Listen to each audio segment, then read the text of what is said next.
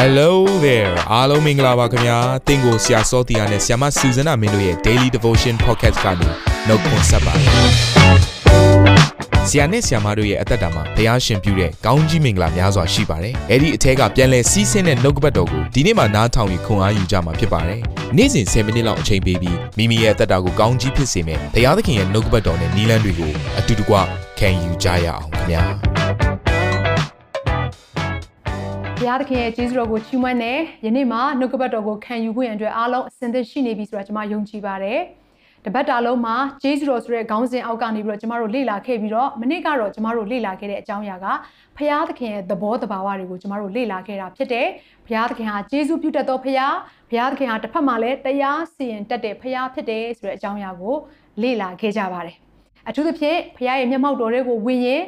ဘလို့ဖြောက်မတ်စွာတရားစီရင်ပါဆိုပြီးတော့ ဆုတောင်းရမယ်အစားဘုရားသခင်ရဲ့တနာခြင်းဂရုဏာတော်သာကျွန်ုပ်အပေါ်မှာတွန်းလောင်းပါဆိုပြီးတော့ဆုတောင်းတက်ဖို့ရန်အတွက်လည်းမနေ့ကကျမတို့သင်ယူခဲ့ရမယ်လို့ယုံကြည်တယ်ဒီနေ့မှာတော့ဂျေဇုတရားရဲ့နောက်ဆုံးပိုင်းဖြစ်တဲ့အရှိကသွားသောဂရုဏာဆိုတဲ့အကြောင်းအရာကိုလေ့လာကြမှာဖြစ်တယ်ထွတ်မြောက်ခြင်းအခန်းကြီး34အခန်းငယ်9ကနေ9အထိကျမတို့လေ့လာကြမှာဖြစ်တယ်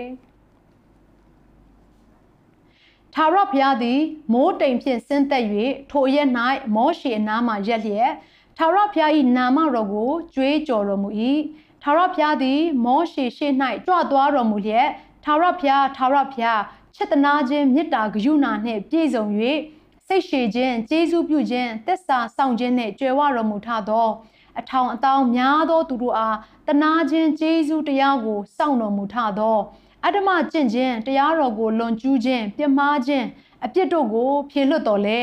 အချင်းဤတက်တက်ဖြေလွတ်တော်မမူထသောသားစဉ်မြေးဆက်တတရအဆက်သရုတ်ထအဆက်တိုင်းအောင်အဘတို့၏အပြစ်ကိုသားတို့၌ဆက်ပေးစီရင်တော်မူသောဖရာသခင်ဟုကြွေးကြော်တော်မူ၏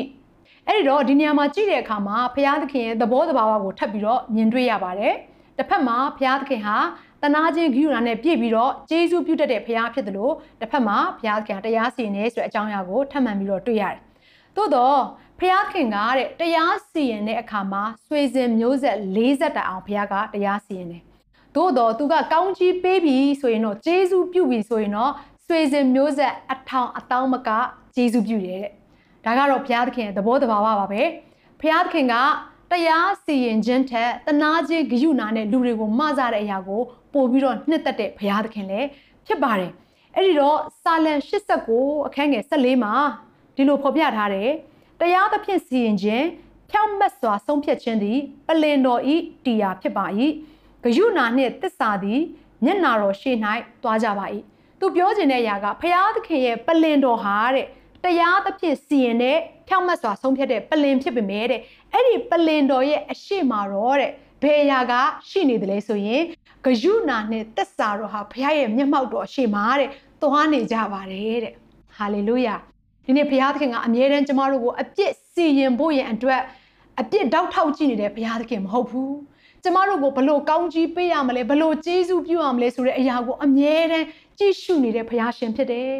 အပြစ်စီရင်ရမယ့်နေရာမှာတောင်မှအတနာခံတတ်တယ်ဘုရားသခင်ထံကိုတိုးဝင်တတ်တယ်ဆိုရင် အပြစ်ခွင့်လွတ်ပေးနိုင်တဲ့ဘုရားရှင်ဖြစ်ပါတယ်။ဒါကြောင့်မလို့ယောမအခန်းကြီး3အခန်းငယ်23ကနေ26ထဲမှာဒီလိုပြောထားပါတယ်။အဘေကြောင့်နိဟုမူကလူအပေါင်းတို့သည်ဒုစရိုက်ကိုပြု၍ဘုရားသခင်ရှေ့တော်၌အသေးပြတ်ကြပြီ။ယေရှုခရစ်ရွေးနှုတ်တော်မူသောအဖြစ်အဖိုးကိုမပေးပဲဘုရားသခင်၏ကျေးဇူးတော်ကြောင့်ဖြောင့်မတ်ရာသို့ရောက်ရကြ၏။ဒုစရိုက်ကိုပြုတယ်အပြစ်ရှိတယ်သို့တော်လည်း ယေရှုခရစ်တော်ကိုယုံကြည်လက်ခံတဲ့သူတွေအသက်တာထဲမှာတော့ဒီနေ့ဘုရားသခင်ကအပြစ်လွတ်ခြင်းဖြောင့်မတ်ခြင်းကိုဘုရားကပေးတယ်ရွေးချယ်ရမှာတော့ကျမတို့ရဲ့အပိုင်းဖြစ်ပါတယ်ဆိုလိုတဲ့အရာကဘုရားသခင်ဟာကျမတို့ကိုတိတ်ချစ်ပြီးတော့ဂယုဏပြခြင်းနဲ့ဘုရားဖြစ်တယ်အပြစ်ဘလောက်ကြီးကြီးသူ့ရဲ့အချစ်နဲ့သူ့ရဲ့ခွင့်လွှတ်ခြင်းတရားကပိုကြီးနေတယ်လို့ပြောနေခြင်းလည်းဖြစ်တယ်အဲ့တော့ဆက်ပြီးတော့ဖတ်ရမယ်ဆိုရင်လွန်ခဲ့ပြီးတော့ဒုစရိုက်အပြစ်များကိုမှတ်တော်မမူရာတွင် ဖြောင့်မတ်ခြင်းတရားတော်ကိုထင်ရှားစေခြင်းက၎င်းယခုကာလ၌ဖြောင့်မတ်ခြင်းတရားတော်ကိုထင်ရှားစေ၍ယေရှုခရစ်ကိုယုံကြည်စေသောသူတို့၏အပြစ်ကိုလွတ်တော်မူတော်လေတရားသဖြင့်ပြုတော်မူခြင်းငှာ၎င်းယေရှုခရစ်၏အသွေးတော်ကိုယုံကြည်ခြင်းအပြင်ထိုခရစ်တော်ကိုအပြစ်ဖြေစရာအကြောင်းဖြစ်စေခြင်းငှာခံထားတော်မူပြီးဖျားသခင်ကအအပြစ်လုပ်တဲ့အခါမှာအဲ့ဒီအပြစ်သားကိုတရားစီရင်တယ်သို့တော့ဘုရားခင်က လူသားတွေကိုကယ်ဖို့ရန်အတွက်လူသားတွေရဲ့နေရာမှာသူ့ရဲ့တပိုင်းသောသားတော်ကိုသူကတရားစီရင်လိုက်တဲ့အခါမှာယေရှုခရစ်တော်ကကားတိုင်းပေါ်မှာကျမတို့အတွက်အသေးခံပေးသွားတဲ့အခါမှာကျမတို့ကတရားစီရင်ခြင်းကနေကင်းလွတ်တယ်ကျမတို့လုပ်ရမယ့်အရာတစ်ခုတော့ရှိတယ်ထိုယေရှုခရစ်တော်လုပ်ပေးခဲ့တဲ့အရာကိုယုံကြည်ရမယ်ယုံကြည်သောအဖြစ်ယေရှုတော်ကြောင့်ကယ်တင်ခြင်းတို့ရောက်ရ၏ကယ်တင်ခြင်းရောက်ချင်တယ်ဆိုရင်ယုံရမယ် ထိုမှသာလျှင်ယေရှုတော်ကိုခံစားရမှာဖြစ်တယ်ဖခင်သခင်ရဲ့ဂရုဏာတော်ကိုကျမတို့ခံစားရမှာဖြစ်ပါတယ်ဒါကြောင့်မလို့ဒီနေ့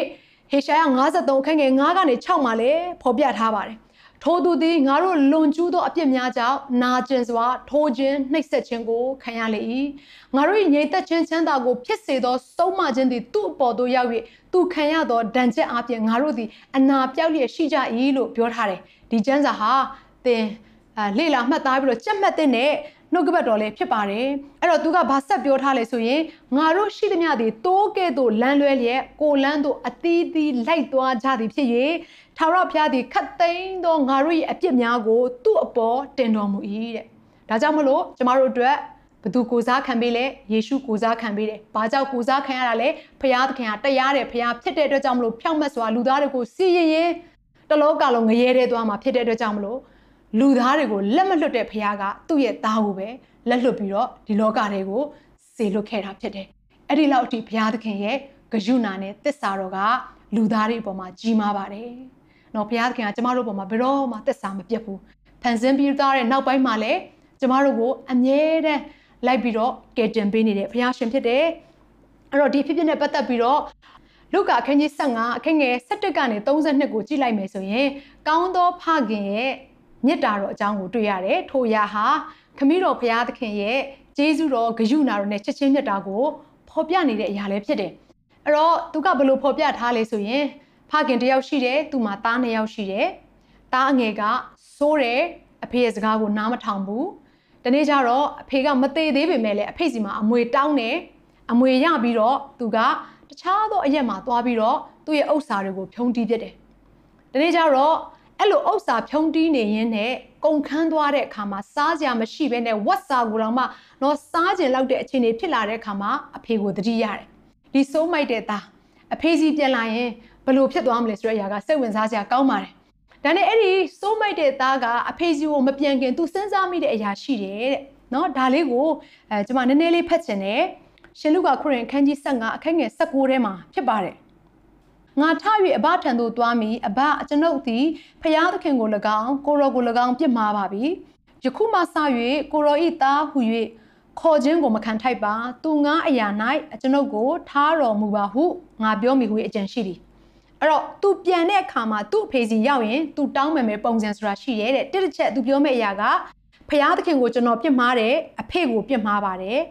တားလို့မခေါ်ပါနဲ့တော့ကျွန်လုပ်ပြရစီလေးချက် เนาะဒါလေးကိုသတိရစေချင်တယ်ဒါနဲ့သူကအဖေစီကိုပြန်သွားတဲ့အခါမှာတဲ့သူ့သားပြန်လာတဲ့အရာကို အဖေကညံတယ်အဲ့တော့စဉ်းစားကြည့်ပါကျမ်းစာထဲမှာဘလို့ပြောထားဆိုဝေးသေးသောအရက်မှာတဲ့ရှိနေတဲ့အချိန်မှာပင်လေသားကိုအဖေကမှတ်မိတယ်အဲ့တော့သားစီကိုပြေးသွားပြီးတော့အဖေကဘာလုပ်လဲဆိုတော့ညစ်ပတ်နေတဲ့နန်စော်နေတဲ့သူ့ရဲ့သားကိုဖက်ရမ်းပြီးတော့မှပွေဖက်ပြီးတော့မှကြိုးဆိုတယ်တဲ့ သူဆိုလိုချင်တဲ့အရာကအဖေကတနေ့သားပြန်လာမယ်ဆိုတဲ့အရာကိုရဲရဲကြီးနဲ့နေ့တိုင်းထွက်ဆောင်နေတဲ့သဘောကိုပြောနေခြင်းဖြစ်တယ်။သားဘက်ကပြန်လာတာမပြန်လာတာအပထားငါသားပြန်လာရင်ပြန်လာတဲ့အရာကိုငါကြိုမှဖြစ်မယ်။နော်ငါသားပြန်လာနိုင်တဲ့လမ်းမှာငါအမြဲတမ်းစောင့်နေမယ်ဆိုတဲ့အဖေရဲ့နှလုံးသားကိုမြင်တွေ့ရတယ်။ဆိုလိုတဲ့အရာကဒီအဖေကအပြစ်ပေးပုံနဲ့စောင့်နေတာမဟုတ်ဘူး။သွားပြီးတော့ဖတ်တယ်ဆိုမှတော့ပြန်လာတဲ့အရာကိုလက်ခံပြီးတော့ သူ့ကိုပြန်ပြီးတော့ကြိုးဆိုပြီးတော့ဂယုဏနဲ့ထွေးပွေ့မဲ့အဖေမျိုးဖြစ်တယ်ဒီနေ့ဒီနှုတ်ကပတ်တော်ဟာကျမတို့ကိုးကွယ်နေတဲ့ဘုရားသခင်နှလုံးသားကိုဖော်ပြနေခြင်းဖြစ်ပါတယ်ဒါကြောင့်မလို့နော်သူ့ရဲ့သားဟာသူ့အဖေရဲ့ရင်ဝင်ထဲကိုရောက်သွားတဲ့အခါမှာနော်သူ့အဖေရဲ့နန်းရှိုက်ခြင်းကိုခံနေရတဲ့အချိန်မှာသားကစတင်ပြီးတော့စကားပြောပါတယ်နော်ဒါလေးကိုကျွန်မဖတ်ချင်တယ်အခန်းငယ်20မှာထ၍အဘထံသို့တွားလေ၏တွား၍ဝေးသေးသောအခါအဘသည်သူ့ကိုမြင်လျင် တနာသောစိတ်ရှိသည်နှင့်ပြေးသွား၍ဒီမှာတနာသောစိတ်ဆိုတော့ဘုရားသခင်ရဲ့ဂဂယုနာတော်ကိုရည်ညွှန်းနေခြင်းဖြစ်တယ်ဂျေဇုတော်ကိုရည်ညွှန်းနေခြင်းဖြစ်တယ်သားဤလေပင်ကိုပိုက်ဖက်လျက်နန်းရှုပ်လေ၏သားကလည်းအဘအကျွန်ုပ်သည်ဖျားသခင်ကို၎င်းကိုတော်ကို၎င်းပြစ်မှားပါပြီယခုမှစ၍ကိုတော်ဤသားဟူ၍ခေါ်ဝေါ်ခြင်းကိုမခံထိုက်ပါဟုဆိုလျင်မတော့ तू ပြောခြင်းတဲ့အရာကသားလေးကမပြန်လာခင်ကတည်းကသူ့ဖေစီရောက်ရင် तू ပြောမယ့်အရာ၄ချက် ၃ချက်မဟုတ်ဘူးနောက်ဆုံးတစ်ချက်ကြံသေးတယ်အဲ့ဒါကကျွန်တော်ကြုံခံပါရစေဆိုပြီးတော့အဖေစီကိုเนาะဒါလာပြီးတော့ခွင့်တောင်းတာဖြစ်တယ်အဲ့တော့တားကစကားပြောတဲ့အခါမှာ तू မပြီးသေးဘူး၃ချက်ပဲရှိသေးတယ်၄ချက်မြောက်ကို तू ပြောဝင်အတွက်ပြင်ဆင်နေတာဘာဖြစ်လို့လဲဆိုတော့ကျန်းစာထဲမှာလင်းဆိုတဲ့အနောက်မှာ तू မပြီးသေးဘူးဆိုတဲ့အရာကိုဒါမြန်မာကျန်းစာအားဖြင့်နားလည်နိုင်တယ်လို့အင်္ဂလိပ်ကျန်းစာအားဖြင့်လည်းနားလည်နိုင်တယ်စကားလုံးမဆုံးသေးဘူးအဲ့ဒီလိုမျိုးသားကပြောနေတဲ့အချိန်မှာအဖေကတခါတည်း နော်စကားကိုဖြတ်ပြောလိုက်တယ်အဖေကဘလို့ပြောလိုက်လဲဆိုတော့အဘကမြတ်သောဝတ်လုံကိုယူခဲ့၍သူ့ကိုခြုံကြသူဤလက်၌လက်စွပ်တစားကိုစင်ကြခြေနှင်းကိုလည်းစီးစေကြစူအောင်ကျွေးသောနွားကလေးကိုယူ၍တက်ကြတို့ပြီးမှငါတို့သည်စားကြကုန်အံ့ပျော်မွေ့ခြင်းကိုပြုကြကုန်အံ့ဒီရာဟာကျမတို့ကောင်းကင်ဖခင်ရဲ့နှလုံးသားကြီးပါသားကိုအပြစ်မပေးဘဲနဲ့နောင်တနဲ့ပြန်လာတဲ့သားကို ကြိုးဆိုတတ်တဲ့သဘောတဘာဝဟာဘုရားသခင်ရဲ့သဘောတဘာဝဖြစ်တယ်ဒီနေ့ဘုရားသခင်ဟာအမြဲတမ်းအပြစ်ပေးခြင်းနေတဲ့ဘုရားမဟုတ်ပါဘူးတင်တာကိုအပြစ်ကိုနောင်တရပြီးတော့အတွေးခေါ်ပြောင်းပြီးတော့ငါဒီလိုဘယ်တော့မှပြန်မလုပ်တော့ဘူးဘုရားထံပဲပြန်လှည့်မယ်ဆိုရင်ဘုရားဟာတင်ရဲ့အပြစ်ရှိသမျှကိုပြန်လှည့်ပြီးတော့ခွင့်လွတ်ပြီးတော့ထိုအပြစ်ရှိသမျှကိုမေ့လျော့မယ်ဘုရားရှင်ဖြစ်တယ်ဒါကြောင့်မလို့ဒီအဖြစ်အပျက်ကိုအောက်မေ့ပြီးတော့ငါတို့ဘုရားသခင်ဟာအမြဲတမ်းအပြစ်တင်ပြီးတော့ စီရင်ခြင်းနဲ့ဘုရားမဟုတ်ဘူးသူကျမတို့ကိုပေးခြင်းတဲ့အရာကတရားစီရင်ခြင်းမဟုတ်ဘဲနဲ့သူ့ရဲ့ယေရှုတော်ကိုပေးခြင်းနဲ့ဆိုတဲ့အရာကိုနားလေတက်ရင်ယုံကြည်သူဖြစ်ရတာတန်ပြီဒါကြောင့်မလို့เนาะဒီနှုတ်ကပတ်တော်ကိုလေ့လာပြီးတဲ့နောက်ပိုင်းမှာနေ့ရက်အစဉ်တိုင်းမှာကိုရောရဲ့ဂျေဇုတော်ကိုတာပြီးလိုချင်ပါတယ်ကိုရောဖော်ပြပေးပါလို့ပဲကျမတို့အသက်တာထဲမှာ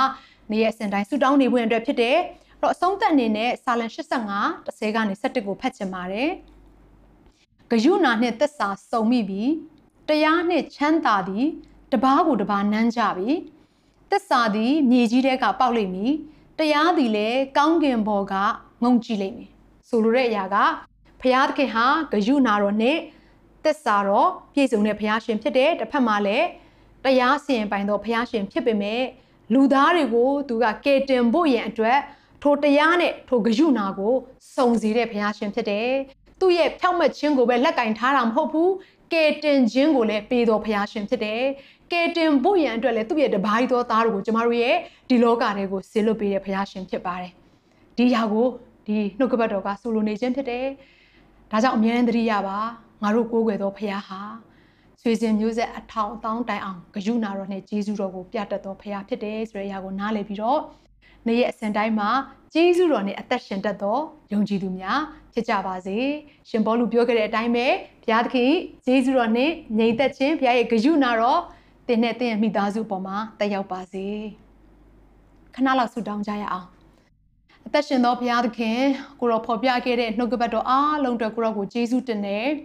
နှုတ်ကပတ်တော်ကိုသားသမီးတို့ဟာနာယုံမျှစွာပြုတော်သူမဟုတ်ဘဲနဲ့တရားကိုကျင့်ဆောင်နိုင်တော်သူများဖြစ်စေဖို့ရန်အတွက်တန်ရှင်သောဝိညာဉ်တော်ဘုရား သားသမီးရဲ့အသက်တာထဲမှာကိုရောရဲ့နှစ်နေတဲ့နှုတ်ကပတ်တော်တွေကိုအမြဲတမ်းအမြဲတမ်းဖော်ပြပါဒီနေ့ဒီလောကထဲမှာအသက်ရှင်တဲ့အခါမှာညှဉ်းဆဲခြင်းတွေစုံစမ်းခြင်းတွေအိုးသူတို့ဘာရဲ့ခိုက်ရန်ပြုခြင်းတွေကိုကြုံဆုံရတဲ့အခါမှာဒီလောကရဲ့ကိုရောဆွဲဆောင်မှုတွေကိုကြုံဆုံရတဲ့အခါမှာဒီနေ့ကိုရောရဲ့ဂျေဇုတော်ကိုအောင်းမေ့တက်စီပါ ဂျေဇုတော်ကသားသမီးအသက်တာကိုလွတ်မြောက်စေတယ်ဂျေဇုတော်ကသားသမီးအသက်တာကိုစုံလင်စေတယ်ခိုင်ခန့်စေတယ်တည်ကြည်စေပါတယ်ဂျေဇုတော်အားဖြင့်သာသားသမီးကိုကယ်တင်ခြင်းရတယ်လို့ကိုရောဂျေဇုတော်အားဖြင့်သာကိုရောရဲ့ချီးမြှောက်ခြင်းနဲ့မင်္ဂလာအမျိုးမျိုးကိုခံစားရပါတယ်ဘုရားသခင်ဒါကြောင့်မလို့ကိုရောရဲ့ဂျေဇုတရားကိုမမေ့ဘဲနဲ့နေ့ရက်အစဉ်တိုင်းမှာဂျေဇုကိုအောင်းမေ့တတ်သောဂျေဇုတိတ်တတ်သောသူများဖြစ်စေဖို့အတွက်သားသမီးတို့ကိုပြုပြင်ဖွယ်တဲ့လက်တော်ထဲမှာစက္ကအနံတဲ့အခါမှာ ကယ်တင်ပါရှင်သခင်ခရစ်တော်ယေရှုဖခင်၏နာမတော်ကိုအမိပြု၍အသက်တာအသီးသီးနဲ့အချိန်တိုင်းကိုကိုရောဖခင်ရဲ့လက်ဝဲထဲကိုပြန်လဲစက္ကအနံကြပါလေအဖမြတ်စွာဘုရားသခင်အာမင်